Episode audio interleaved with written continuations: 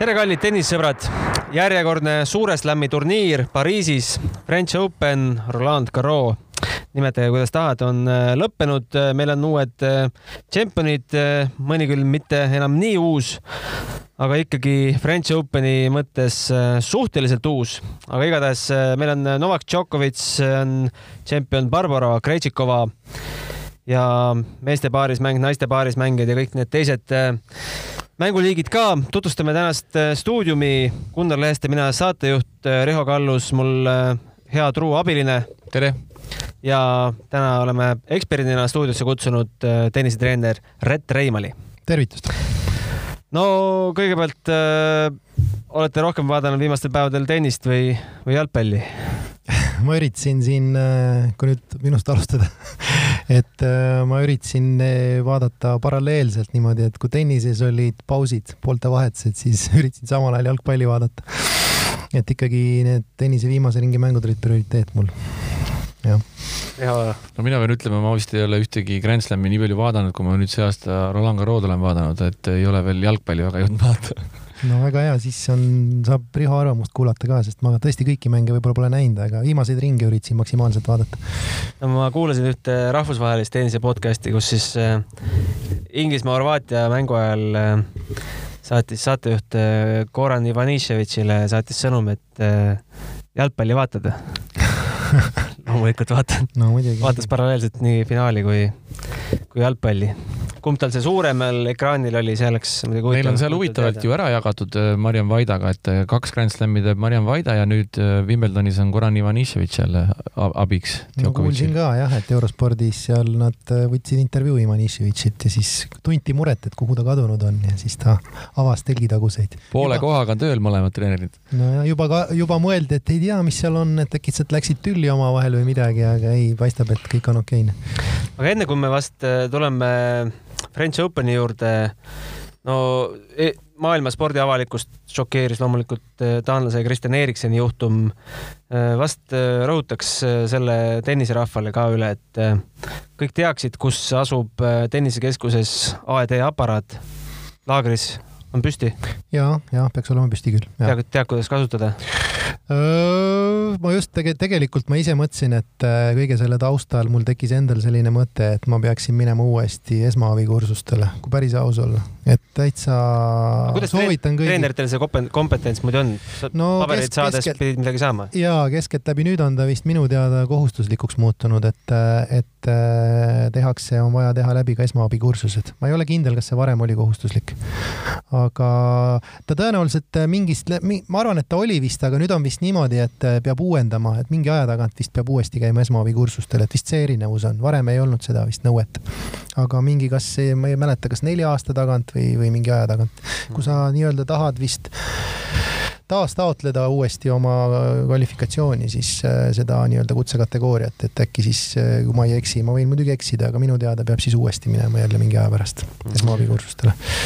Äh, tuli, tuli koduks see teema, teema jutuks, mul on abikaasapoolne perekond, kõik on arstid ja kardioloogid ja kirurgid ja nii edasi ja, ja, ja äiapapa poolt huvitav arvamus, ütles, et tema, tema vaatas situatsiooni, ütles, et kummaliselt äh, kaua läks aega, enne kui elustama hakati, et seal on ikka sekundite küsimus, et seal, seal tuleb ikka kohe-kohe tegutseda, et, et imestas, et see nagu no, võttis tegelikult. Äh, natukene aega, et see, kui see, kui see ka nüüd äh, nii-öelda staadionipoolne arst sinna jõudis, siis seal natukene asi venis liiga kaua, tema, tema arvates. et oleks pidanud mängija ise hakkama. et, et kui sellised situatsioonid juhtuvad, siis on iga sekundi arvel tuleb kohe hakata nii-öelda pumpama, noh mm -hmm.. see on, see on väga kriitilise tähtsusega sellistes mm -hmm. olukordades no õnneks äh, seekord läks õnneks. Äh, julgustame siis rääkima kõiki oma treenerite ja üldse oma klubi inimestega, et kuidas, äh, kuidas teie klubis sellega, selles suhtes valmisolek on, et, et hoiame üksteist ja, ja täiendame oma teadmisi aga enne kui me räägime vast äh, finaalidest, mis ei olnud üldsegi igavad, siis äh, meil on äh, siin saates, me pole puudutanud veel Kontaveidi, Anett Kontaveidi viimaste matšide käekäiku. no kõigepealt teises ringis ju vapustav võit kuus-kaks, kuus-null Kristiina Mladenovitši üle. see oli Susanne Lengleni väljakul vist või? jah. jah, ja järg, ülejärgmine päev siis äh, tiitlikaitsja Iga Sviatek oli vastas juba Philipp Chatreril ja Sviateki võidunumbrid seitse, kuus, kuus, null. no Rett, sinuga me Mladenovitši mängust telefoni teel ka rääkisime ja Delfile sai sinu mõtteid edastatud. sa ütlesid, et ega, ega tal liiga vastu kerge ei saa olema, aga no tegelikkuses, kui ma nüüd mõtlen selle peale, mis mõtted olid enne mängu ja, ja mis see taktika või võinuks olla ja mismoodi Anett mängis, siis minu jaoks mängis ta noh, sisuliselt terve mängu, aga ütleme nii, et esimest setti sada protsenti nii, nagu tal oligi vaja mängida, selles mõttes, et tema nagu arvestades kõiki tema oskuseid, löögiarsenali võimekust, siis äh, minu arvates ta alustas perfektselt seda mängu ja ta suutis seda mäng, oma mängutaset nagu väga-väga kõrgel, no ühesõnaga ta hoid, suutis väga kõrget taset hoida terve esimese seti jooksul, lõppkokkuvõttes otsustas selle seti sisuliselt tie-break'is noh, üks-kaks viga, noh, et ja, ja, ja Sviatek mängis tie-breaki väga õnnestunult ka, nii et ma ei heidaks absoluutselt mitte midagi Anetile ette, et minu, minu silmis oli see tema esimene sett oli üks, üks parem tennis, mida noh, ütleme oma parimat tennist mängis Anett, noh mm. -hmm. jah, teine sett oli juba keerulisem, sest Sviatek sai sellest seti võidust indu juurde ja enesekindlust juurde, lihtvigu, noh, mitte isegi lihtvigu, vaid ma ütleks, et ta, ta tõstis ka nõksa mängutaset ja, ja loomulikult Anetil sellisel tasemel nii agressiivselt mängides, nagu ta mängis, seda, seda nagu nivood hoida oli erakordselt raske terve mängu jooksul. sest ta mängis ikkagi, ta alustas väga agressiivselt ja, ja, ja ei heidaks küll midagi ette Anetile absoluutselt selles mängus vähemalt nii on, nii on minu tunnetus selle koha pealt mm. -hmm. no ikkagi noh paberil see kuus-null näeb ikkagi üsna dramaatiline välja. ta näeb välja kehv jah, aga tuleb arvestada sellega ka, et noh, ütleme tennisistina ma noh, ma ei ole küll kaugeltki sellisel tasemel kunagi ja. mänginud, aga võistelnud ja, ja Eesti tasemel ja võin öelda küll, et, et see tundub küll väga dramaatiline, aga tegelikkuses võivad need kaalukausid tõesti muutuda, et ei saa väita, et Anett loobus seal üritamisest, kindlasti mitte. ei, punktid olid tasavägised ja et, et seal see kaalukauss võib kalduda ühel hetkel, et kui eh, see sinu noh, nagu me teame, ta mängis täiesti võimete piiril ja, ja ühel hetkel mingid asjad ei õnnestu ja, ja vastane saab äh, kindlust juurde, natuke mängib aktiivsemalt ise ja see võib nagu väga drastiliselt muutuda, see mäng väga,. väga-väga vähestes asjades on kinni seal, et, et, et noh, tegelikkuses oligi nii, et Sviatekil oli kerge varu sees, Anetil seda varu väga ei olnud enam, nii et nii oli. see on see null kaks tuli nii, et äh, kaks korda oli veel tasamäng ja tasamängu rohkem ei näinud, kolmkümmend kolm kolmkümmend, kolmkümmend oli veel enne null, null nelja mm. -hmm. ja ka viimane game oli veel kolmkümmend, kolmkümmend no eks see on kindlasti seal kolm null, neli null ja neli, kolm nulli ja neli nulli peal kindlasti see selge see, et äh, oli juba Anetil raskem, raskem võib-olla sajaprotsendiliselt nagu mängus sees olla ja, ja vastane oli selle võrra palju enesekindlam, nii et, et kindlasti see teise seti lõpp oli erakordselt raske juba Iga Sviatek kohtus siis äh, kaheksandikfinaalis Marta Kostjukiga, mis ei olnud ka paha mäng, see oli minu arust äh, hilisõhtune mäng ilma publikuta. Äh, sai seda niimoodi silmad pilukil vaadatud, ega tal seal ka mängu algus väga-väga kindlalt ei tulnud, aga ikkagi lõpuks kuus-kolm, kuus-neli ja lõpetas siis oma turniiri veerandfinaalis Maria Sakkari vastu ja Sakkar võidunumbrid kuus-neli, kuus-neli. väga äge võitlus kreeklanna poolt ja mille poolt, millega ta selle siis võidu välja tõmbas? no ma arvan, et Sakkari suur eelis võrreldes Anetiga on esiteks see, miks, miks ta Sviateki jaoks on ka ebamugav, on, on et üks asi on, et ta suutis natuke paremini ette võtta selle Sviateki eeskäe, et eh, esiteks tema serv on, tal on eh, väga võimas kikkserv, mida paljudel naistel ei ole. see pall põrkab kõrgele üles, seda ei ole tõrjuda nii lihtne, et kui paljudel naistel see servi, servil see põrge on, no pall põrkab madalamalt ja prognoositavamalt, siis seda kikki on oluliselt raskem tõrjel rünnata, väga keeruline. pluss eeskäe top spin, mida ka väga tugevalt rebitud eeskäsi, mis, eh, mis ja mis on väga hästi, ta varieerib varieerib väga hästi oma lööke, kasutab väga hästi nii lõigatud lööke kui ka kaetud lööke, rebitud lööke ja, ja suhteliselt agressiivselt survestas ka seda Sviateki eeskäe poolt, nii et et tal on mäng mitmekülgsem, ta on atleetlikum, liikuvam, tal on nagu rohkem taktikalisi käike, mida kasutada Sviateki-suguse mängija vastu. Sviatekil minu meelest oli ka jalg äh, sidemest natukene, et ta ei saanud seda eeskätt täie jõuga ka lüüa, et. jah, seal võis olla ka füüsiline probleem probleem jah, et, et ma seal seda mängu nägin, no suures osas ma nägin seda mängu jah, seal ju, seal jah, ütleme seda mängu ma ei näinud tervenisti, ütleme pärast vaatasin, kui oli Sviatek ja Krejtšikova, et see oli, mitte Sviatek, Krejtšikov, vabandust, vaid Sakari Krejtšikova, et see oli muidugi see oli turniirimäng praktiliselt, aga, aga jah, seal oli, oli, oli natuke Sviatek võib-olla päris tema ise ei olnud ka muidugi. et oma, oma parimast, oma parimat ta ei teinud seal muidugi. Aga oma, oma osa oli kindlasti Sakaril selles, noh. ja siis äh, Sakari turniir lõppes poolfinaalis, kaotusnumbrid Kretšikova vastu viis, seitse, kuus, neli, seitse, üheksa. no kui üldse Kretšikovast rääkida, siis äh, vast äh, see tennisemaailm, kes äh, väga palju paarismängu ei jälgi, kellele jäävad need äh, üksikmänguvõitjad rohkem meelde, siis äh, no üks, noh, sellele maailmale oli ta ikkagi suhteliselt tundmatu tegija, no meile, meile muidugi teada, sest on parajalt mõned aastad ikkagi tennist mänginud, aga, aga no enne turniiri ei oleks ju parimas unenäos ka osanud arvata, et äh, Kretšikova just äh, jah, no võidab. seda küll jah, et üksikmängus teda favoriidiks, tähendab noh, ütleme turniiri võitjaks vaevalt, et keegi väga pani, et, et seda kindlasti. kuigi võib öelda seda, et teda peeti üheks võib-olla mustaks hobuseks mingis mõttes, sest et ta on ju, kui vaadata selle aasta tulemusi, siis kui ma ei eksi, vahetult enne French Openit ta kas mitte ei võitnud turniiri äkki Strasbourgis või kus ta nüüd mängis. et ta on. ja, ja ta tuli, tal on nüüd ju kaksteist võitu, võitu järjest peaks. ja, et see oli signaal sellest, et ta võib olla üllatusvõimeline, aga et ta suudaks Grand Slami kohe kinni panna või noh, kasvõi finaaligi jõuda, et seda ma arvan, ei ennustatud küll, aga seda, et ta võib mõne hea skalbi võit võtta ja, ja võib kaugele jõuda, et kindlasti see üllatus, seda ennustati, et ta võib üllatada.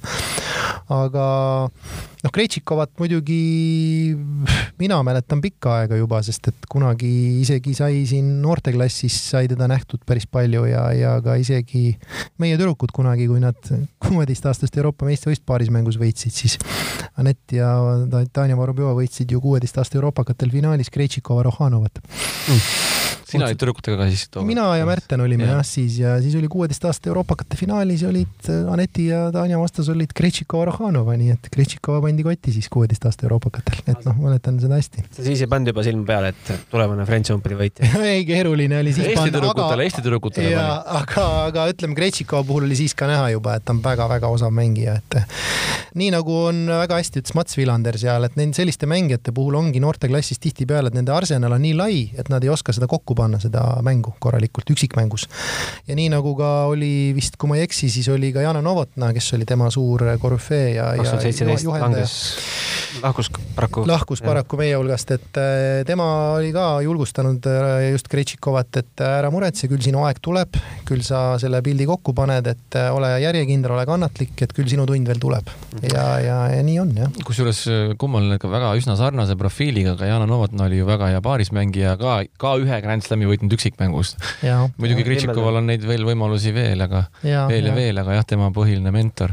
just, et seal nii, nii nagu Mats ütleski, et Villander, et, et ühesõnaga neil on raske, neil on väga lai arsenal ja neil on raske noorteklassis seda õiget pilti kokku panna, et millal, mis löök, kuidas, kuna võimalusi on nii palju, siis on tihtipeale katsetatakse, proovitakse erinevaid asju ja, ja, ja mäng võib-olla on kohati liiga laialivalguv ja ei ole võib-olla, et on tihtipeale mada-, nooremates vanuseklassides on lihtsam, kui sul on äh, ühekülgsem, kätteõpitud mänguplaan, mäng, kindel stiil ja nooremas vanuseklassis, ütleme noorteklassis, see võib tihtipeale alguses edu tuua, aga, aga hiljem loeb väga palju see füüsiline võimekus, mitmekülgsus ja tehniline ja taktikaline mitmekülgsus.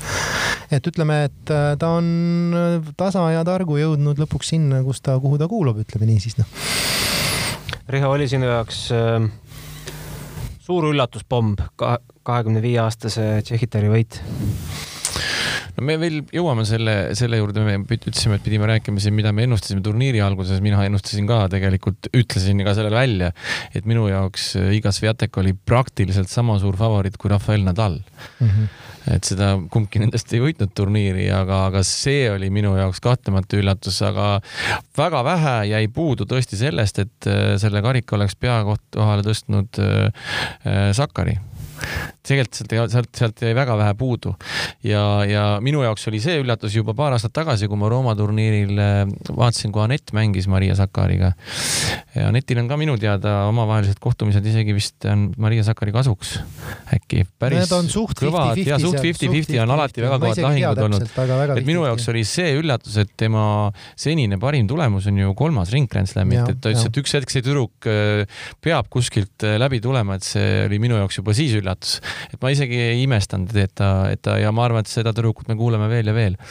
kindlasti jah no ta on jõhkralt head füüsilises vormis. no väga-väga no hea. see on üks hea näide sellest, et äh, ikkagi kuhu suunda naiste tennis võiks veel edasi liikuda, et esiteks äh, mul on hea meel, et äh, naiste tennises on esile kerkinud sellised mitmekülgsemad, sportlikumad, atleetlikumad naised. jah, Sakari ta on, ta on võib-olla no ma ei oska öelda, kui nii tohib öelda, et ebanaiselikult äh, selline väga selline atleetlik, ütleme nii, noh, et ega keskmine naine nii atleetlik ei ole ja ei peagi olema, aga. no seda on näha ka, et nendes kätes on jõudu ka. ja, et ta on nagu väga atleetlik ja pluss ta on väga mitmekülgne mängija ja selliseid mängijaid on juurde tulnud kõvasti, et see nooremas generatsioonis on ikkagi seda võimsust ja, ja, ja füüsilist poolt ja mitmekülgsust on ikkagi rohkem, et, et ma lihtsalt toon ühe hea näite, et kui siin äh, vanem põlvkond on noh, ütleme võib-olla natukene psühholoogiliselt on, äh, on neil raske Serena Williamsi vastu mängida ja varem oli näha, kuidas Serena on füüsiliselt ja sellelt nagu mängutempolt, võimsuselt üle, siis tänasel nooremal põlvkonnal ei ole suur probleem.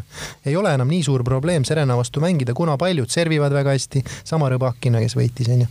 servivad väga hästi ja mängivad, on, on võimelised, kuna neil on füüsis parem ja nad on võimelised selles kiires tempos, on võimelised oluliselt paremini mängima ja nad ei tee teist nägugi, vaatab kalapilguga Serena Williams, noh, mis seal sikka, onju.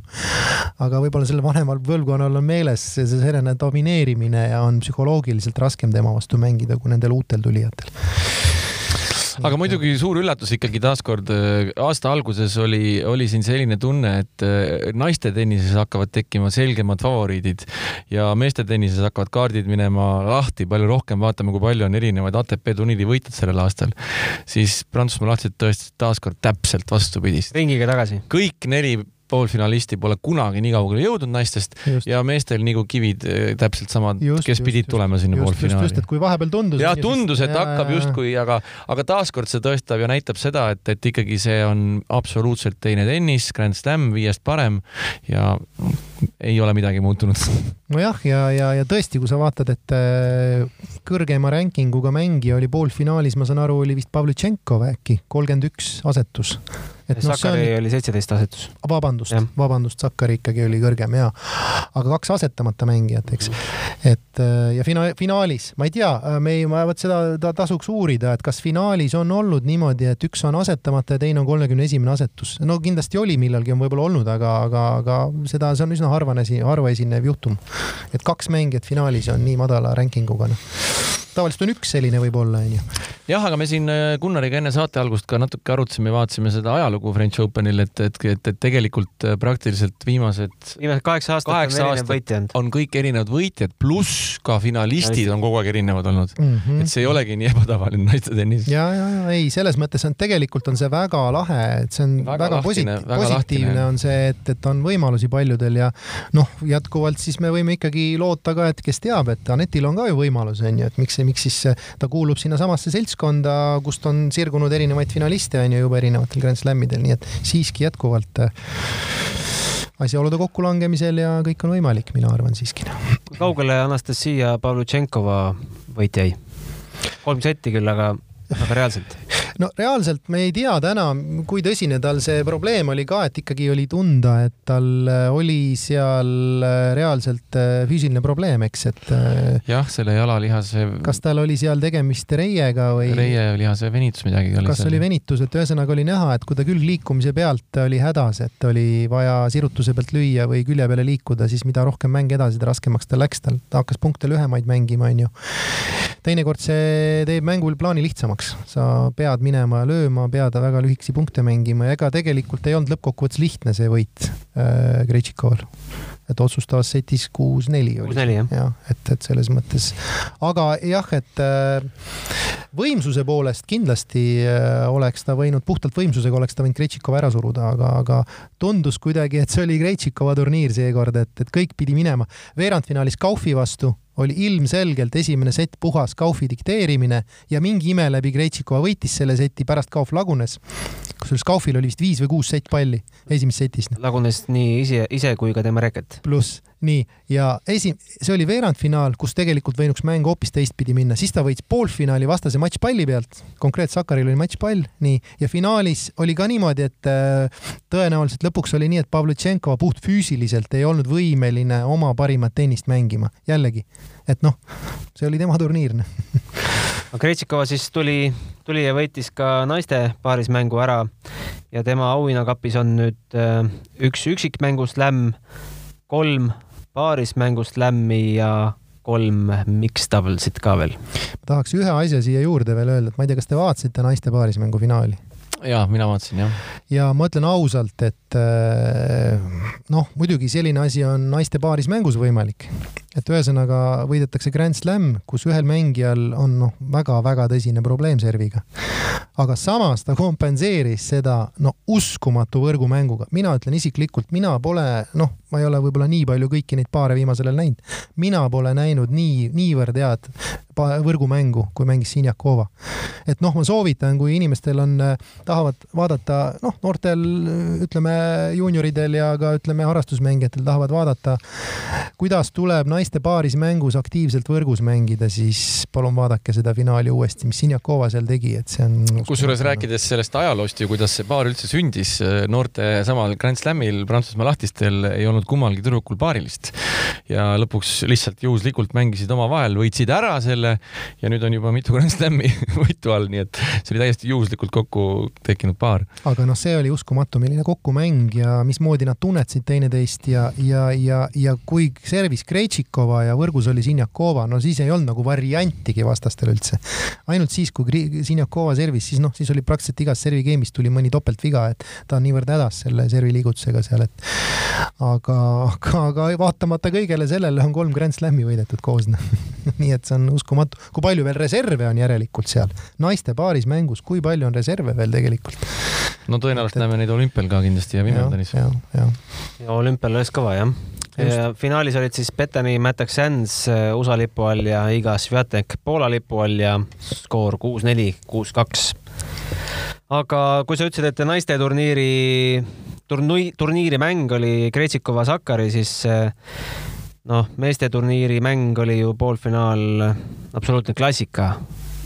Kui ma ühe asja veel, ühe asja tuleks tagasi veel lõpetuseks, mis on väga oluline faktor seal äh, Krejtšikova ja Sakari mängus, kus reaalselt me ju nägime kohtuniku väga suurt viga kus reaalselt äh, me võime rääkida sellest, et kui muudel Grand Slamidel kasutatakse Hawkeye'd ja Prantsusmaal, noh, okei okay,, liiva, liivaturniir on jälg olemas, onju, aga seal tõstatati see küsimus ka eurospordis kommentaatorite poolt, et tegelikult oleks vaja ka French Openis, French Openil tõenäoliselt kasutusele võtta Hawkeye, sellepärast reaalselt oli äh, jälg, matšpall Krejtšikoval, esimene matšpall, kus ta näitas jälge tagajoonel, tõstis käed ülesse, out, kohtunik tuleb juurde, vaatab, ei, sees pall näitab sees, pärast tuleb, noh, ikkagi seal on ju see Hawkeye on olemas. ja kaks sentimeetrit audis konkreetselt vahe sees, kaks sentimeetrit audis, nii, mäng oleks olnud läbi juba ja kujuta ette, kui ta oleks selle mängu nüüd kaotanud. no see oleks skandaal, noh õnneks võitis, selle kohta kõik hingeldasid kergendatult, et ta õnneks pärast võitis selle mängu, onju. jah, see variant, mis on Prantsusmaa lahtistel, see on nagu kõige rumalam variant. et äh, kui te ei kasuta Hawkeye'd, ärge siis näidake ka seda Hawkeye'd. no näiteks. aga jah. kui te seda kasutate, no siis ärge kasutage joonekohtunikku, see on nagu kõige rumalamasse situatsiooni paned tegelikult, mängija muidugi ise ei näe seda, eks ju mm, -hmm. aga noh, kui ta oleks näinud ja pärast tagantjärgi näed ju, et, et jah, muidugi on räägitud ka sellest, et see Hawkeye'l on teatav vea tõenäosus tõenäosus ja nii ja naa, aga no tõenäoliselt ikkagi lähitulevikus läheb see kõik asi Hawkeye peale. ma loodan küll, ma loodan, ma ikkagi arvan, et see on et õige. ikkagi see puht, puht inimlik eksimus, isegi kui see elektroonika eksib, siis ta eksib nii, nagu ta eksib ja, ja, ja kellegiga vaielda ei ole midagi. pluss keegi asi pole lihtne. süüdi. no täpselt, keegi pole süüdi selles. et jah, see on nagu väga rumal olukord oleks olnud, kui ja, oleks nii läinud. ja olgem ausad, kui ta nii nibin-nabin läheb, seda ongi ääretult raske lugeda. mängija vaidleb kohtuniku, kohtunik mäng..., ma olen ju ise, me oleme aga ise mänginud. aga sa ju tead, Rett, seal ongi ongi see olukord täpselt, et kui see joon on tibakene kõrgem ja seal mm -hmm. võib isegi väike vahe olla, aga sa näed, et ta joone pealt lükkab natuke liiva ära ja kohtunik loeb selle sisse mm. -hmm. ja seal võib isegi väike vahe olla sellel mm -hmm. jäljes mm -hmm. ja, ja, ja, ja ütledki, et tegelikult kohtunik tegi head tööd, luges sisse, aga elektroonika loeb selle out'i.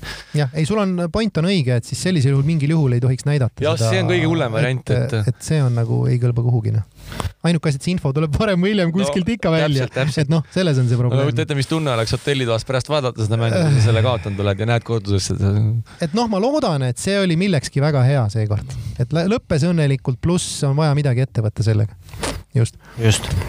aga meeste juurde tulles, siis äh, tuldi publikule vastu ja said siis need äh, õnnelikud äh, piletiostjad ka lõpuni vaadata ühe öösessiooni no ta vist ei alganud, äh, alanud öösessiooni raames, aga, aga läks sinna päris hiliste öötundideni välja. Eesti aja järgi ta pool üks lõppes vast äh, ja Djokovic võitis siis neljas setis, aga see oli selline pikemat sorti neljasetiline matš, äh, rohkem kui neli tundi ja ja kukutas siis kolmeteistkordse French Openi võitja Rafael Nadali jah, no üldiselt selle kohta öeldakse, et see on, paljud eksperdid on nimetanud seda üheks kõigi aegade kõige paremaks liivamatšiks üldse no.. eriti Djokovicit, ma, ma, ma julgeks öelda, et Djokovic parim ütles, mäng Djokovicit. Djokovic ütles ka, et see oli tema parim mäng, matš liival, kus ta on osalenud ja, ja top kolm üldse. huvitav, mis, mis ta mõtleb seal äh, top kahes siis?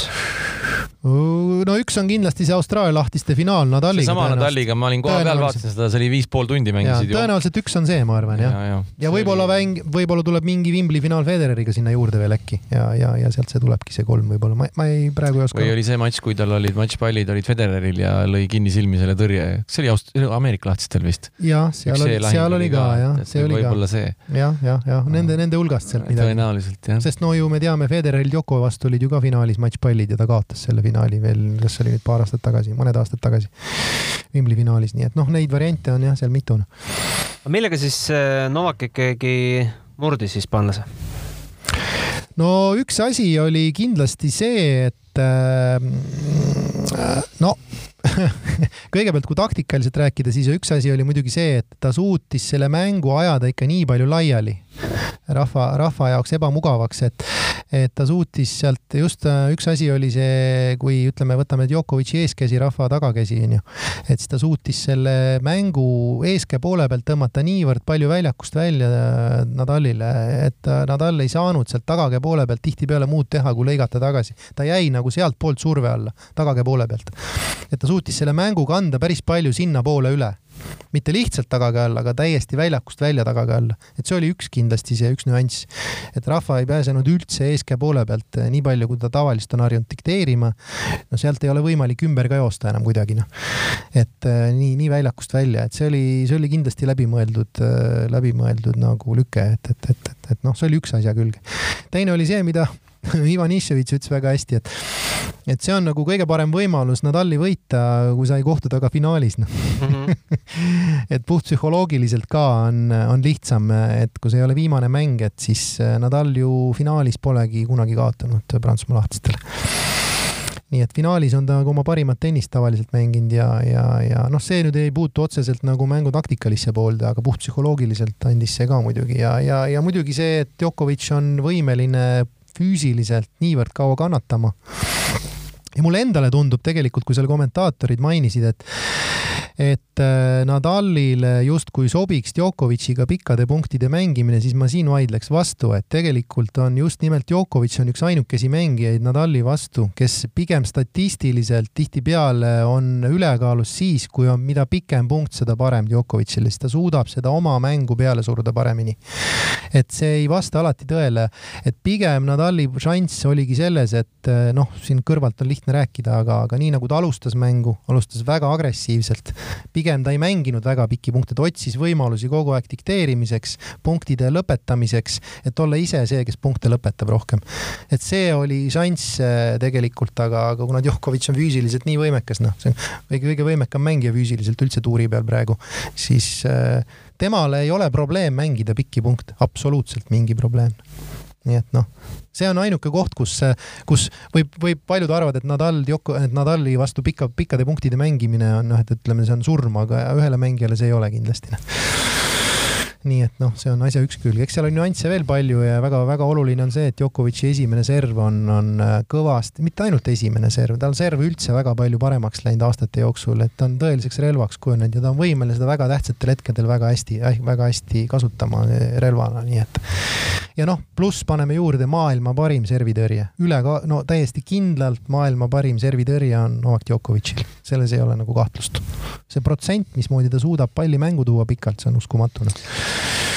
vaatasin, seal mängus oli ka huvitavaid hetki vahepeal, no küsimus, küsimärk minu jaoks oli see, mõtlesin, kuidas ta suudab mängida nii pika matši ja nii varakult neid palle mängida, et sa pead ju meeletult jalgadega tööd tegema ja, ja ta suudab, tal see füüsiline kestab nagu lõputult ja, ja teine asi, mis kohati oli huvitav, et ma vaatasin, et et ta mängis isegi eh, Nadali oma relvaga Nadali vastu, et teame ju, Nadal vahepeal tõmbab seda kõrget tagaga topsi ja siis lööb teravalt. Ja vaatasin, et Djokovic tegi praktiliselt sama asja vahepeal Nadaliga, et see oli, see oli päris huvitav, et sellega oli Nadal päris püsti hädas seal kohe kohati. Mm. -hmm. et aga, aga no jaa, ei, vaieldamatult üks parimaid matše ikka Djokovic'ilt liival.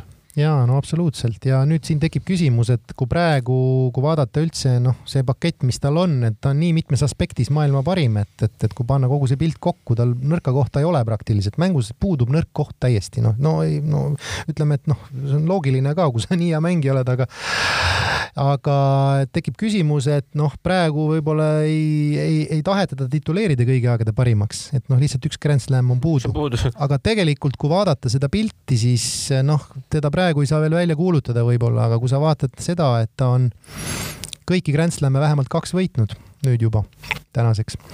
see on esimest korda peale Rod Laverit. jah, ja Nadal, Federer pole sellega hakkama saanud veel ja okei okay,, tal on puhtalt üks tiitel puudu, ta selle tiitli saab, ta on vaieldamatult kõigi aegade parim, siis ei ole enam üldse küsimust. praegu ta on seal piiri peal väga lähedal ja tal on ka kõige suurem šanss selleks saada, nii et, et tundub, et selles võitluses võib Federer üldse kolmandaks jääda. tundub nii noh. ja, ja kardan, et siin võib praegu jah, ka Prantsusmaa lahtistel kuningatroon võib-olla anti üle juba see aasta. ei tea. anti üle või jäi vabaks? või jäi vabaks jah, et, et, et ei tea, kuidas siin nüüd järgmisel aastal, millised võimalused üldse veel rahval on ei tea, ei oska öelda jah. ja no Wim, Federeri šanss on muidugi Wimbledon, nii et, et, et. no see on ikka viimane õlekõrs. see on viimane ja kusjuures no jube keeruline on nüüd uskuda, et kuidas ta füüsiliselt peab vastu tervet, okei okay,, jah, see on natukene füüsiliselt vähem koormav, kindlasti ta on oluliselt vähem koormav jah, kui Liiv, aga kui French Open, aga no ma ei, ma, ma, ma arvan jätkuvalt, et väga-väga raske on tal ikkagi täna võita tervet turniiri, ta panustab sinna kõik, ta, noh, ta teab, et see on võib-olla üks ta viimaseid võimalusi, aga, aga jätkuvalt on väga raske uskuda, kas ta füüsiliselt peab vastu tervet turniiri eh, kuni lõpuni välja.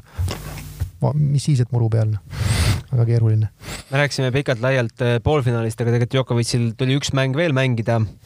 jäi seal eh, Stefanos Tsitsipase vastu null-kaks kaotusseisu, aga, aga ujus välja ja kolm-kaks. no minu jaoks on see veel üks märk. Ma ise lootsin väga, ma veerandfinaalidest alates oli mul kaks, nagu öeldakse, hobust, kelle peale mängida, oli Krejtšikova ja Tsitsipas ja ma mõtlesin, et kas tõesti mõlemad võtavad ära, aga kahjuks Tsitsipas ei võtnud, et äh, väga meeldib mulle Tsitsipase mäng ja noorteklassis näinud teda ja kaasa elanud talle kõvasti, et et äh, see minu jaoks veel näitab Djokovic'i suurust veel üks kord, kuidas Grand Slami finaalis kaotusseisus kaks-null tulla välja niimoodi ja, ja, ja mulle tundub, et seal nad kommenteerisid ka, ütleme, kui nüüd vaadata muid eksperte, siis ma usun, et ma olen nõus sellega, kas nüüd päris sellega, et nad siin eksperdid võrdlesid äh, Djokovic'i, Nadali ja Federeriga selles osas, et, et Nadal, Federer kohati tundub, et äh, mõnikord mängivad liiga palju, mingis hetkes mõtlevad liiga palju lõpptulemusele, et Djokovic mingil hetkel justkui laseb sellel minna, sellel tulemusel ja lihtsalt mängib julgelt ja lihtsalt tulgu, mis tuleb a la et seda nagu räägiti siis nii-öelda eurospordi peal, arutlesid seal eksperdid. et noh, kas nüüd lõpuni sellega nõustuda saab, aga, aga seal on iva sees, et ta näiteks teise, kolmanda seti alguses ta reaalselt oli näha, kus ta nagu mõtles, et okei okay,, mina tean, mis ma nüüd pean tegema, ma lihtsalt teen seda, ma lähen ja ta reaalselt lükkas uue käigu sisse, väga agressiivselt hakkas mängima, tõrjelt alates, ta tõstis reaalselt mängutempot, ta hakkas nagu palju-palju ründavamalt mängima. Ja ta suutis seda praktiliselt kuni lõpuni hoida, noh et see on, näitab seda nüüd, et äh, kusjuures tal on ju väga raske, tal on täpselt samasugune nii-öelda võitlus selle kõigi aegade parima tiitli peale, onju. ja kui raske see psühholoogiliselt on, ta ju kuskil seal intervjuus ka ütles peale poolfinaali, et noh, uskuge mind, et see pinge on päris suur, onju, niimoodi naljaga pooleks, onju. aga see pinge on meeletu, seda tavainimene ei kujuta ettegi üldse. Djokovicist tehakse see aasta dokumentaali, et äh, oleks huvitav näha, mis tagatoa jutud siis on ja, ja, ja. ma ise, ma ise kuulsin sellist arvamust kuskilt, et, et on mängijaid, kes mängivad täiega igat punkti nagu Rahva, aga, aga on mängijaid, kes tajuvad seda parim viiest äh, dünaamikat äh, suurepäraselt ja üks nendest on Novak. noh, parim viiega dünaamikat ta tajub rahva suurepäraselt, onju, et selles ei ole kahtlustki üldse, onju, aga, aga jah, et selles suhtes kindlasti on erinevusi ja see erinevus tuleb tihtipeale ka siis välja, kui tegemist on näiteks väga heade servijatega nad teinekord noh, on niivõrd kindlad oma servis, et kui nad on, ütleme ja, ja ütleme, et noh, seal noh, ütleme, nad on breigi teinud, nagu Federeri puhul on see tihtipeale me oleme näinud, et ta on teinud murde ja ta ei kuluta kuskil nagu ekstra energiat enam ei pane tõrjegeimidesse, kui ta jääb seal selgelt taha, ta kas proovib mingit asja seal, harjutab midagi, ta nagu laseb sellel olla, nagu ta on, onju, ei tule, siis ei tule, tuleb, siis tuleb, onju, ja, ja usub nii tugevalt oma servi, et noh, sellistel noh, siis on see võimalik jah. rahval, rahval on serv kogu aeg paremaks läinud, kogu aeg arenenud, aga ta, ta ei saa nii palju lõpuni loota selle peale, et tal on selles mõttes nagu natuke keerulisem. et see on nagu üks, üks aspekt kindlasti, kunagi tegi Sampras samamoodi, täpselt samamoodi, Piet Sampras, üks suur, fantastilisemaid servijaid ka kuskil tõrjegeimides, kui ta oli murde teinud, lihtsalt juba läks nagu natuke täispanga peale. siin muidugi ikkagi üks aspekt, millest ma ei ole rääkinud. Stefanos Tsitsipas tegi täna sotsiaalmeedias postituse, et viis minutit enne, enne finaali algust sai ta teada, et, et ta vanaema suri ära ehk siis Apostolose ema. ma isegi võib-olla Stefanos Tsitsipast see võib-olla niivõrd palju, ma ei oska öelda, kuidas see mõjutas, aga mõjutas. no kindlasti mõjutas, aga mida ma märkasin kohe matši algusest saadik, on väga palju on tal silmsidet oma isaga. Mm -hmm. ja isa oli hoopis täitsa teistmoodi, isa oli ikka täitsa pea all ja norus, et see võib-olla mingi hetk äh, andis, andis tunda, noh, minu jaoks see matš tundus olevat lõppenud kolmanda seti neljandas game'is, mis oli see pikk äh, Stefano Tsitsipase pikk servi game, kaksteist minutit ja, ja mis oli väga tähtis game. Ja, ja praktiliselt peale seda kukkus ära serv, läks see serv natuke aeglasemaks, ei tulnud seda esimest servi enam nii väga hästi ja Djokovic läks juba praktiliselt oma teed, et et kui oleks, noh, oleks selles kolmandas setis ütleme kolm-neli game'i veel oma servi game'i hoidnud, oleks saanud sealt nagu nii-öelda vähemalt tie break'ini midagi no. et see just, oli just. kõige suurem variant. sellega ma olen täiesti nõus, et mulle tundus ka kolmandas setis, et, et, et, et Tsitsipase huvides oli see sett ikkagi vähemalt nugade peale vähemalt saada. nugade peale ja. saada, et, et Djokovicil ei oleks, ei tekiks koheselt seda kindlust, et ta on mängus tagasi, noh. aga tal tekkis väga väga ruttu see kindlus, et ta on mängus tagasi ja muidugi suuresti tänu oma agressiivsusele ka, et ta, ta reaalselt lükkas teise käigu sisse. aga muidugi kahju, et ka puhtfüüsiliselt jällegi noorem mees ja kõik, aga ikkagi, ikkagi füüsiliselt lõpuks pidas paremini vastu Djokovic Tsitsipas võttis seal meditsiinilise pausi, onju, ja oli tunda ka tegelikult, et tal oli probleem sealt, kas siis ma nüüd täpselt ei tea, kas kuskilt äh, paremas puusas või kuskil tal see liikuvus vähenes, nii et tegelikult oli näha jooksu, no see mentaalne pool kindlasti, absoluutselt. aga oli näha, et äh, tal ka tegelikult pare-, eeskäänurgast äh, ta ei saanud jalga enam. ta ütles, et tal oli puus kinni no,. ja pärast sai lõpupoole lahti ja aga, aga, aga tal oli näha, et eeskäänurgast ta ei saanud korralikult jalgu paika, ta ei saanud enam nii nagu alguses, ei saanud normaalset löögipositsiooni, ta ei saanud sealt vajutada nii, nagu ta alguses vajutas. no ta on ju meeletu ümberjooksja alati eeskäe peale, ta teab meeletult töölt jalgadega. nii et noh, kui sa maailma parima vastu kuskil natukene rebenema hakkab, siis on jube keeruline, nii et noh, vaatamata sellele, et noh, tegelikult tegemist on maailma esireketi mängu ja siis kahe tuhande kahekümne esimese aasta jooksva maailma parima hetke edetabeli seisuga parima tennisistiga, et see oli nagu kaks parimat mängijat finaalis, et kahtlemata noh. no ma kaks nulli pealt julgesin arvata, et kui Stefanos selle ära võtab, siis te, tema võib sealt äh, Next Genist nii-öelda maha kriipsutada, et jääb sinna, kes sinna üksinda alles siis jäävad, et äh, Danil jääb sinna sellest äh, originaalsest Next Genist. nojah, sest nüüd on juba järgmine Next Gen on seal juba Sinnerid ja järgmised mängijad onju, et ja. seal on neid juba generatsioone mitu juba tekib seal, aga, aga põhimõtteliselt küll jah, et et Zverev oli, me ja, teame, Zverev oli ju US Openil oli ju väga-väga lähedal võidule, nii et, et seal oli väga vähe puudu tiimi vastu, et kas seal mitte, kas matšpall oli tal? Äkki tal oli matšpall? oli ka matšpall ja no praktiliselt esimesed kaks, kaks setti oli ju game'i võitmisega probleeme Dominic tiimil. ja nii et ühesõnaga need, need, need kaks mängijat on jõudnud väga lähedale muidugi, aga muidugi peab tunnistama, et see oli esimene Grand Slam nüüd, kus olid kohal nii Federer Djokovic ja Nadal kõik mängisid, okei okay,, Federer küll loobus, aga esimest korda andis nagu reaalselt tõsise lahingu keegi teine, no ütleme, noorema generatsiooni mängija andis väga-väga tõsise, see oli esimest korda nüüd. ja et selles mõttes ei anna võrrelda nagu nii-öelda Ameerika lahtistega mm. -hmm. ja, ja, ja kui rääkida Aleksandr Zverevist ja võrrelda Tsitsipasega, siis noh, ma julgeks öelda, et tema puhul ikkagi oluliselt rohkem mängib rolli see, kuidas tal see serv jookseb, et Tsitsipas on palju mitmekülgsem ja suudab palju rohkem nii-öelda ka mängu mängu, mängu mängida kui, kui Aleksander Zverev. Zverev peab ikka väga palju rohkem servi ja oma kahuri eest käega need punktid ära võtma kiiresti et. Ähm, no Zverevi puhul on öeldud seda, et äh, tema tund kindlasti tuleb, kui ta suudab seda agressiivsust, mis tal üldiselt, ta on võimeline väga agressiivselt mängima, ma olen oma silmaga näinud, kuidas ta Montrealis mõned aastad tagasi tagus Federeri üles niimoodi, et seal polnud varianti ka, kusjuures Federer mängis väga korralikult. aga, aga tal on nagu olnud jah, väidetavalt siis on olnud probleemid siis, kui tekivad võimalused ja kui tekivad keerulisemad seisud, et siis ta on natukene jäänud passiivseks, et aga tal on see agressiivsus täielikult olemas, et küsimus on sellest künkast üle saamises, et siis on ta kindel Grand Slami võitja materjal, võib öelda noh. no rääkides, mis peale finaali toimus, siis äh, Djokovic oskab rääkida pressikonverentsil seda, mida ajakirjanikud tahavad kuulda. üks asi on see, et, äh, et see see tiitlijaht paneb pinged peale, aga teine asi on see, et äh, ütles selgelt välja, seda ütles ka tema treener, et eesmärk on kuldne slam. ei rohkem ega vähem praegult no. on hea muidugi lüüa seda trummi, kui sa oled eh, Nadalist jagu saanud Frenchile, aga, aga. nojah, kuulda slam, see tähendab siis neli, neli Grand Slami ja olümpia ja praegu on kaks Grand Slami võetud, on ju, ütleme siis eh, see ei tundu sugugi ebareaalne selles mõttes, et tal on enesekindlus on täiesti laes praegu. kui ta füüsiliselt vastu peab, natuke on õnne vaja kindlasti siin-seal, aga täiesti realistlik on see jah mis sa, Rett, arvad, kuidas see olukorda muudab? meil pole Frenchi ja Wimbledoni vahel sellist äh, väikest, nii väikest vahet kunagi olnud, et äh, kaks nädalat on väikest puhkust, kellel on puhkus, kes paneb soojendusturniiri mm.. kas see segab kaardid ka meeste seas sassi või on ikkagi Djokovic favoriit number üks? ma ei oska, ma saan aru, et see vahe on ühenädalane tegelikult ju, turniir vist hakkas ja. nädal hiljem, et selle võrra on nüüd see vahe väiksem, on ju, nädala võrra, et noh, kui me taastumise mõttes räägime, siis nagu ei tohiks otseselt nagu nii suur probleem olla.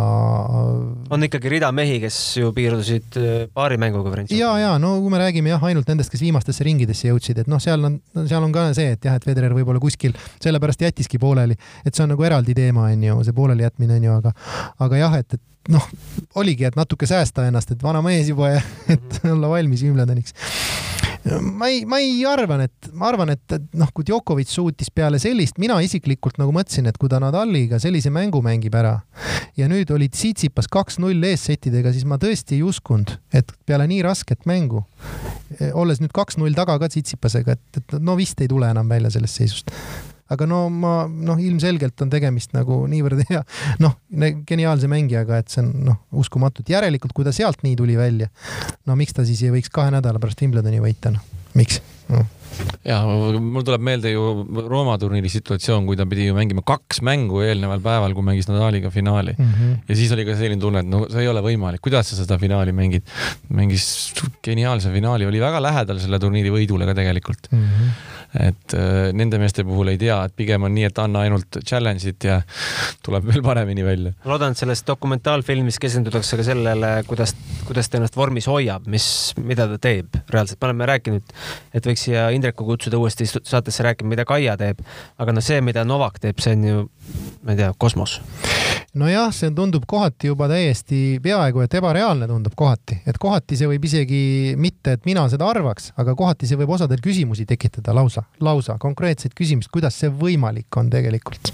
okei okay,, kui sa teed kõik, kõik, kõik õigesti, taastumised, toitumine, puhkus, kõik asjad on ju medikamentoosselt lubatud asjad. mida, mida ma ei taha ka näpuga näidata, aga me ju nägime see, mis Vene häkkerid avaldasid, need edetabelid, seal olid need meditsiinilised erandid, et mm -hmm. see Serena list oli kilomeetrite pikkune mm. -hmm, mm -hmm. et ega tennises tegelikult nagu see on täiesti, täiesti tume teema, et tennises üldse läbi aegade ju dopinguga vahele jäämisi on ju üldiselt väga vähe olnud. Ja no, igasuguseid meil... spekulatsioone on olnud, et selles mõttes me ei, me ei, see pole meie. ukrainlanna veel võitleb loodab olümpiale pääseda, aga ootused on üsna nullilähedased vist. et noh, selles suhtes siin nagu spekuleerida pole mõtet, et, et aga, aga, aga fakt on see, et, et see on uskumatult nagu, uskumatult hea taastumine, midagi pole öelda, et siis kas tehakse midagi väga-väga õigesti ja no tõenäoliselt tehakse väga õigesti, aga isegi sellest ei pruugi alati piisata. Noh. see Novaki terviseteema oli, kas see oli viimane US Open, kus tal oli see mingi kõhuprobleem? kus tal oli väga lähedal loobumisele, aga no tal on karjääri, ütleme, esimeses pooles oli tal väga tihti neid probleeme tervisega ja, ja noh, eks ta oma raamatutes on ju ka rääkinud sellest, et, et väga palju justkui noh, ongi, ta ütlebki, et on tohutult aitaski see toitumise teema, on ju, õigele, õigele rajale jõuda, on ju. et noh, eks seal on palju muid asju ka veel juures, on ju. aga karjääri esimeses pooles oli tal tihtipeale probleeme tervisega ju. Küll oli seal kõhuga, küll millegi muuga, on ju. et noh jah, ja tuletame ju meelde ka, millises augus oli ju Djokovic vahepeal, ta oli ikka mm -hmm. väga augus, ta ikka kaotas ikka kõigile vahepeal ju mm. -hmm. ja mhm. vahepeal ei uskunud ka keegi, et ta uuesti tuleb niimoodi tagasi ja ta tuli veel paremini tagasi mm. -hmm. no paralleele tuues näiteks Dominic Tiimist, kes on praegu samasuguses seisus enam-vähem tundub ja,. jah, jah, jah. aga rääkides, no Federeri loobumisest, ma arvan, et see on omaette teema tegelikult ja see on meil siin ka teemana kirjas, et äh, kolmandas ringis äh, võitis ära sakslase Dominic Köpferi maailma viiekümne üheksas reket, äh, surus käppa, ütles, et et äh, aitäh, hea mäng, aga siis äh, juba pressikonverentsil tulid jutud, et ei tea, kas enam järgmist mängu mängin ja päev hiljem siis oligi selge, et otsustasin ennast tiimi turniirilt maha võtta pärast kahte põlveoperatsiooni ja enam kui aastas taastusravi on oluline, et oma keha kuulaksin. ma ei tohi end taastusravi ajal liiga kiiresti suruda, mul on hea meel, et sain kolm kohtumist kirja. Pole paremat tunnet, kui platsile naasta ja siis äh, kõige teravamalt ütles vast äh, endine paarismängu esinumber ja endine Australian Openi turniiri direktor Paul McNamee, kuidas me hääldame teda, McNamee, McNamee mm, -hmm. et äh, ütles Twitteris, et sa pole siin mingis kommipoes, kui sa, kus sa saad valisid, valida, milliseid matše sa mängid või ei mängi. sinu teod mõjutavad teisi ja ka turniiri kuidas teie vaatate sellele? see on niisugune jah, selles mõttes äh, me, me oleme siin ka isekeskis arutanud ja eks igalühel on õigus oma arvamusele ja, ja, ja loomulikult nagu võib nii ja naapidi arvata, et võib-olla oleks nagu kavalam olnud lihtsalt äh, taandada asi vigastusele ja, ja, ja kogu lugu et ma ei oska öelda, et see nagu jätab natuke halva maigu, jätab, et nagu võib-olla see noh, ma ei tea, mis Prantsusmaa lahtiste korraldajad selle peale mõtlevad, onju, et noh, et mis asja, et noh, et ma nüüd jätan selle pooleli ja siis valmistun Wimbledoniks, et noh, Wimbledon on tähtsam, mis siis onju, aga noh, et ta võib jätta nagu halva maigu natuke selles suhtes et äh, selle koha pealt ma saan aru, et justkui Federeril on kõik lubatud, kõik noh, kõik nagu justkui on ka sellist arvamust avaldatud aga.... sellepärast ta pääseski ilmselt avalikkuses kergemalt, et ta on Federer. Jah, sest tegelikkuses üldiselt, et kui turniirilt mahavõtmiseks reeglite järgi peab olema selge põhjus, kas siis tõsine terviserike, kas siis mingisugune vigastus on ju, noh, midagi sellist on ju, lihtsalt, et ma olen väsinud ja et lihtsalt ma valmistun turniiriks, noh tõenäoliselt seal oligi, tõenäoliselt seal toodigi mingisugune vigastus, no ametlikult võib-olla oligi, onju. aga ma ju taustu ei tea täpselt. selles avalduses ta ei ütle midagi vigastust. jah, et see avaldus oli selline, mis nagu natuke tekitas seal kindlasti pingeid, onju, üldsuses võib-olla, onju. oleks seda teinud Kirgios või Benoit Paire, siis noh no. meest ei oleks olemas meie jaoks, noh. ja no vot just nimelt, et tegelikult seal on jah, on selles suhtes küll, jah. jah, aga selles mõttes ma olen nõus muidugi, et, et noh, kui vaadata nüüd üldse kogu seda tema tagasitulekut sellel hooajal, et äh, teame ju, alustas Doha turniiril, kus äh, võitis Daniel Evansit matšpalli pealt, kusjuures Daniel Evansil oli matšpall ja siis kaotas turniiri võitjale Basilashvilile. ja seesama Daniel Evans on ju täna, võitis Monte Carlos äh, liiva peal Novak Djokovic ennast mm. -hmm. et äh, ei olnud üldse sugugi halb turniir mm. -hmm. kaotas matšpalli pealt turniiri võitjale võttis pausi mm. -hmm. siis tuli uuesti tagasi, tegelikult mängis väga korraliku mänguga, mänguga Andu Harriga, samamoodi oli, oli murdega juba otsustavas seti sees, ei olnud mängu pildil häda midagi, kaotas selle mängu, jälle paus, et see kuidagi äh, ja, ja nüüd see Prantsusmaa lahtised ka, et, et tekitab küsimusi jah, natukene, et, et kui sa, kui sa näed, et nüüd on kohe Wimbledon otsa tulemas, sa justkui tahaks nagu mingit mängu alla saada Wimbledonile, aga no palun väga, ATP viissada muruturniir Stuttgardis oleks võinud mängida seda turniiri, siis oleks saanud ju muru peal juba mängida, et, et see kuidagi jah, ja, ja me arutasime ka seda, et tegelikult ega, ega, ega Berettinile tehti korralik teene ja, ja Djokovicil oli ikka kõvasti äh, rabistamist Berettiniga, et Berettini sai ju puhata korralikult, et seal mm, -hmm. seal sa võid need kaardid ikka päris sassi lüüa küll äh, sellises turniiri teine nädal ka, et, et, et mm, -hmm. et no, ega ta jah, nagu ei paista ilus välja. ja, ja, ja et noh, selles suhtes jah, et mul nüüd mõttelõng läks, kadus ära, et aga, aga mm,. mis ma tahtsin nüüd öelda jah, et vot läks mõttelõng ära, ühesõnaga ühesõnaga, Wimbledon on ukse ees. Äh, mina tahtsin rääkida veel ühest mehest, keda, mida ma oleks väga-väga tahtnud näha, ma oleks väga tahtnud näha veerandfinaali Aleksander Zverev, Kaspar Ruud. et äh, Davidovitš Fokina loomulikult üllatas ja mängis hea turniiri, aga Kaspar Ruud oli ikka liival väga hea soos ja see oli, see oli nibin-nabin lahing, mille ta, pikk lahing, mille ta kaotas, et oleks väga põnev olnud seda lahingut näha. seda kindlasti jah. mul tuli meelde, see mõte oli lihtsalt see, et jäi selline mulje, võib-olla see on ekslik, jäi selline mulje, et ta ei olnudki valmis, et ta nii kaugele jõuab. just. et ta tegelikkuses läks lihtsalt nagu mõnda matši saama, et lihtsalt saada matši kogemust juurde, olgu see siis liival või kus iganes, onju, et noh, matši kogemus on matši kogemus, okei okay,, see ei ole küll muru, onju, muru on tulemas. aga ta ei olnud valmis, et tal nii hästi läheb, sest tegelikult tal läks päris hästi. et see, et ta kolm mängu võitis, oli isegi mõningal määral talle endale võib-olla väikseks üllatuseks. no aga siis tekib kohe küsimus, kas ei oleks siis, kas siis ei oleks viisakam olnud matšpallil käsi ära suruda? Ei no ma, see on praegu anda teisele mehele, anda Köpferile võimalus mängida. ei no see on spekulatsioon praegu aga lihtsalt eh, võib-olla ta ei olnud valmis selliseks koormuseks. Köpferiga oli väga-väga-väga-väga koormav mäng, see oli väga suur koormus talle, onju. ja eks ta sai aru, et teda lihtsalt ei jätku. kolm, kolm pool tundi oli see. ja teda lihtsalt ei jätku järgmiseks mänguks, ta sai aru sellest väga hästi. et variandid on väga väiksed, noh, aga noh, et see kokkuvõttes kukkus välja natukene nagu õnnetult, noh no läks sellega nagu läks. Äh, kusjuures hakkab kohe-kohe mängima juba Halle turniiril äh, Ivaška vastu Federer. no vot. mõne, mõne hetke pärast peaks juba mäng käima vist mm. -hmm ja naised peaksid mängima Berliinis ja Birminghamis see, see nädal Birminghami tundub, et Kontaveit ikkagi ei läinud, et äh, loodame, et läheb siis Eastbourne'i äh,. Kaia, me teame, et äh, eelturniir üldse ei mängi, selle ta ütles juba pressikonverentsil ja ja kohtume Kaiaga siis Wimbledonis. mis te arvate, kas me Naomi Osakaga kohtume Wimbledonis? No tuli uudis ju, et Naomi Osaka on ennast Berliini turniirilt ka maha võtnud, et siin see võib olla märk Äh, sellest, et, et võib ka Wimbledoniga probleem olla, ei tea ju, kui, kuivõrd see tema avaldus äh, reaalne oli. vaata, see on selles mõttes järgmine sihuke huvitav asi, et, et seal noh, jällegi, mis on, arvamusi on igalühel, on igaüks võib arvata, aga, aga tegelikult see jutt kõik oli jumala õige kindlasti ja see oli väga õige nagu tähelepanu juhtimine nendele pingetele, mis on tippudelt, selles mõttes oli see kõik nagu õige. probleem on selles, et selle avalduse ajastus ja see, kuidas ta nagu sellega välja tuli, mismoodi, tegelikult pani talle veel suuremad pinged peale et kokkuvõttes tal on nüüd veel raskem selle tulemusest, sealt tuli palju negatiivi, sealt tuli palju seda, kogu seda nagu noh, ka kriitikat tuli palju, onju, mis on ka põhjendatud, onju. ja, ja Gunnar ütles väga huvitavalt, kas te olete kunagi näinud, et äh, nelja Grand Slami korraldajad panevad omavahel selja kokku ja teevad mingi avalduse, ühisavalduse, nüüd oli see väga kiiresti tuli see ühisavaldus kuidagi. ja ega ta ka, ega ka oli päris palju oli ka mängijaid, kes nagu ei olnud nõus sellega, sellepärast et noh, eks see on üks profitennisisti töö, töö osa.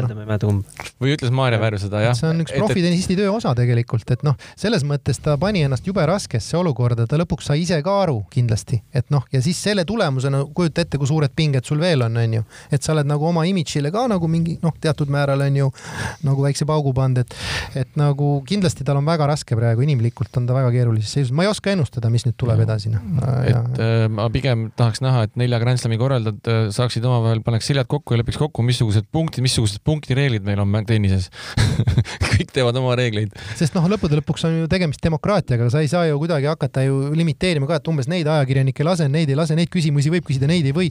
no siis. ei saa ka seda teha, et sina ei pea pressikonverentsilt tulema, aga teine tüdruk peab.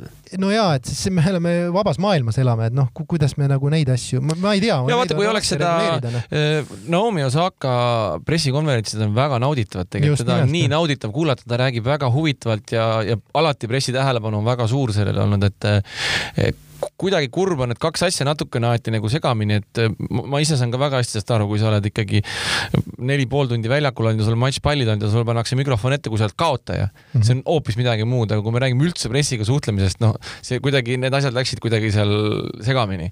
ei tea jah, ei tea jah, et aga loodetavasti need asjad klaaritakse ära ja loodetavasti ikkagi ta on varsti tuuril jälle. no väga kurb, kui ta jah, okay, nüüd Wimbledoni no. ma Osaka kaitseks tahaks nii palju öelda, et noh, ma ei taha ka siin, et me nüüd siin ütleme, et võta ennast kokku ja kannata ära see, et, et kindlasti mingi debatt peab selles osas tekkima ja see peab kuidagi rahumeelselt tekkima, no ei taha mingit paukumist. ei, kindlasti, et seal mingisugused ja, ja absoluutselt, et on vaja, noh, on soovitatud ka, et, et ütleme, istutakse maha, rahulikult räägitakse läbi need asjad ja võib-olla tõesti saab kuidagi. aga mitte ainult Naomi ei istu maha. absoluutselt, absoluutselt ja. kõik mängijad. see nüüd, puudutab jah, kõiki mängijaid. me teame, et see ATP meeste mängijate ühendus on väga aktiivne, kas naistel ka midagi sellist on, pole nagu midagi kuulda? ja, aga minu jaoks on ikkagi imestus, imestusväärne see, et äh, ta on täna ju maailma enim makstud naissportlane. maailma kõige jah, enim teenib. enim teenib naissportlane. kus kohas on mänedžerid?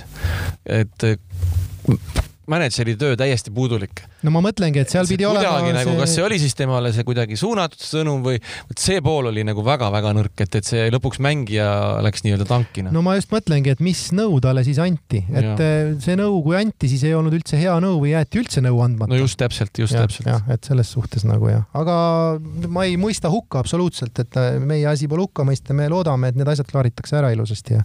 lihtsalt eh, surmkahju oleks, kui me ühe hea mängija siit kaotaks. no vast nii hullusti ei lähe ikkagi. Tundus no, ju sedamoodi, et hakkab ju valitsema. ja just nimelt, et tundus sedamoodi, et tema hakkab domineerima naiste tennist kohe-kohe mm -hmm.. jah, jah. nii on jah. niisugune lugu. Äh, vast äh, paneme siinkohal äh, punkti meil on juunis tuleme kindlasti veel Wimbledoni eelse saatega.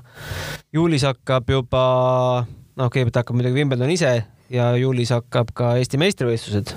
kas me üldse teame, kes meil tulevad üldse Eesti-ikadele mängima? No Rett võib-olla läheb äh, Mark Lajale ütles, et tema kahjuks ei saa. aigu kahju sellest. Wimbledonis, Wimbledoni no teine nädal on Eesti. arusaadav muidugi. no ei, see on ju väga tore, kui me saame Margile kaasa elada sealt. et Margil oli väga suur soov tulla ei no kindlasti tõestamise on väga..., tõestada ju on. muidugi no,. Mark eelmisel aastal juba, mäletan, Harri Nepiga istusime tribüüni peal, vaatasime Margi mängu Karl-Kiur Saarega, kui ta küll kaotas selle matši, aga, aga juba siis oli näha, et noormees on kõva arenguhüppe teinud ja et potentsiaali on kõvasti. no ma vaatasin ka seda mängu ja väga hea mulje jättis ja, ja tegelikult äh, oli siis juba näha jah, et äh, sealt võib midagi tulla. aga Marki Eurosport Playerist vaatasite? Mina kahjuks ei saanud näha, jah. ma vaatasin ühe silmaga, kaotas Aha. siis esimese ringi. no tulemust jah, me teame, aga, aga jah, kahjuks ei saanud näha. no Margi puhul muidugi on, Margiga ma suhtlesin paar nädalat enne, enne, enne French Openit ja Mark ütles, et tal on nüüd eesmärk siis mängida Prantsusmaa ja Wimbledon noorteturniirid ja peab keskenduma nüüd kiiresti-kiiresti meeste turniiridele, sest teatavasti nii kõrge edetabeli, juunioride edetabeliga on võimalik meeste Futures turniiril peale saada veel sellel aastal mm. -hmm. et see võimalus on tal nüüd noh, praktiliselt veel viimane pool aastat. järgmine aasta tuleb minna kvalifikatsiooni ukse taha koputama kasutama, et kui ei ole wildcard'e või midagi sellist, et et, et ta kindlasti peaks seda ära kasutama, seda võimalust mm -hmm. nüüd. mulle tundub, et Mark on nõu ja selle üldse know-how poolest väga heades kätes, et tal no, tundub olevat see tundub, eesmärk nagu paigas. tundub küll jah, et selles suhtes seal on head tööd tehtud ja tal on, tundub, et ka hea tiim ümber ja ja, ja hoiame ainult pöialt, et meilt Eestist tuleks selliseid mängijaid, et väga hea meel, et, et ta on niimoodi esile kerkinud ja ja noh, tema on nüüd üks selline näide, et kes on läinud täiesti nii-öelda piiri taha ja, ja tundub, et on täielikult õnnestunud selles. et, et on ka teistsuguseid näiteid, meil on igasuguseid näiteid olnud, et, et muidu räägitakse, et tuleb välismaale minna, välismaale minna jah, aga sa pead teadma, kuhu minna ja ja, ja, ja, ja, ja alati ei ole nii, et, et lähed kuskile tugevasse akadeemiasse nii-öelda, maksad suurt raha ja arvad, et noh, ja, ja võib väga suur tahtmine ka olla, aga, aga seal peavad ikka kõik need, need pusletükid koos. no lõpuks see taandub ikkagi isiklikele suhetele, kuidas sul see tiim tekib ümber ja millised treenerid ja nii edasi. just, just, just. et see akadeemia üksi ei maksa. Need asjad peavad klappima, kõik õiged inimesed peavad su ümber olema ja selles suhtes peab klappima kõik, aga, aga hoiame talle pöialt ja noh, Estikate koha pealt lihtsalt ma loodan väga, et kõik teised, kes vähegi nagu aktiivselt mängivad praegu ja terved, terved on, et nad kõik osaleks, et meil on ju poisid, kes on Ameerikast tulnud tagasi, onju, et loodetavasti nemad mängivad kõik, ütleme Johannes Seeman, Siim Troost, Robin-Erik Parts. Siimarid. Siimarid ja, ja, ja Tamm kindlasti, Ivanov jätkuvalt rivis tõenäoliselt, et, Klinka, et see Klinka, et see küsimus, et see küsimus nagu, et, et, et noh, et, et kaua see Ivanov valitseb meil, et, et noh, et see on jätkuvalt õhus. see on meie Eesti oma next generation siin nagu Djokovic. jah, et meil on, kaua see meil see pull kestab siin, et Ivanovi ei suudeta rajalt maha võtta, et au Ivanovile absoluutselt, et äh, Vova on nagu väga-väga kõva test, et, et kui meil on Morten Ritslaid on üks test on olnud, Karl Saar on üks teine test, siis nagu veel kõvem pähk. peatest, peaproov on Ivanov. peaproov on Ivanov meil. aga naistest rääkides on meil kedagi, kes Jelenat ka praegu kõigutaks või? Ja vot see on see on huvitav küsimus. see on jah, ütleme, et praegu on nagu teisi selgeid nagu tegijaid ei ole, aga see ei tähenda, et ei võiks sealt keegi teda kõigutada muidugi, aga, aga praegu konkreetselt nagu ei julge öelda no.. no seal on esimene asi muidugi see, et, et, et kui palju on neid, kes on nagu päris täiskohaga tuuril, et Jelena mm. õnneks on. no see ongi just see küsimus. hetkel võitis kahekümne viie tuhandese kvalifikatsioonifinaali, sai, sai põhitabelisse. et teised tüdrukud käivad, proovivad äh, aeg-ajalt, aga keegi ei ole päris niisugust korralikku tiimi saanud ja ei ole niimoodi tuuri peal päriselt. no ütleme nii nagu tema panustab. no täpselt, nii nagu tema panustab, see panus on hoopis teine. tal on see siht väga konkreetselt on näha, et mille nimel ta töötab ja teeb, onju, et tal on nagu väga-väga-väga selgelt. ja seal on väga suur roll ka Voval, et Vova on ju et ütleme, et see, see on see vahe praegu, et see ei, see ei välista seda, et kuskil ühe mängu, et kuskil ühe mängu on ju, võib ta, võib ta nii-öelda ka kuskil nagu ebaõnnestuda, on ju, aga, aga aga tema, tema puhul on jah, tõenäosus on jah see, et tema on, on see nagu favoriit, selgelt favoriit number üks, nii et, et ma ei, ma ei ole, ütleme, naiste mänge nüüd viimasel ajal, ega Eestis neid turniire ju, Eestis neid turniire ju pole olnud ka eriti, et äh, palju pole olnud ju vahepeal, et ega pole ka väga palju, no nüüd Viljandis oli võistlused, eks onju, aga pole väga palju olnud ju näha ka kuskil, nii et, et selles suhtes ongi huvitav, Estikad saavad väga huvitavad olema kindlasti aga Riho Mikker annab siin meile juba märku, et saade on läbi, läbi saamas. aga tõmbamegi siis äh, joone alla. aitäh, Rett, tulemast, oli väga põnev äh, tund aega jutuajamist äh, ja loodame sind siin sel aastal võib-olla veel näha. suured tänud kutsumast ja kohtumiseni. aitäh. aitäh kuulamast, kuulake meid äh, täpselt sellest äh, platvormist, mis teile sobib. Äh, valige selleks kas Delfi tasku, SoundCloud, Google podcast, Apple podcast, iTunes, Spotify, kõik rakendused. seal oleme esindatud ja kui tahate, et esimesena saaksite teada, millal meil uus saade on üleval, siis igas rakenduses peaks olema ka see tellinupp ja meiega saab ühendust meiliaadressil tennis.delfi.ee või võtke Riho tänaval nööbis kinni ja öelge talle otse, mis, mis te meist arvate. aitäh kuulamast, ilusat äh, päeva, õhtut, millal iganes meid kuulate.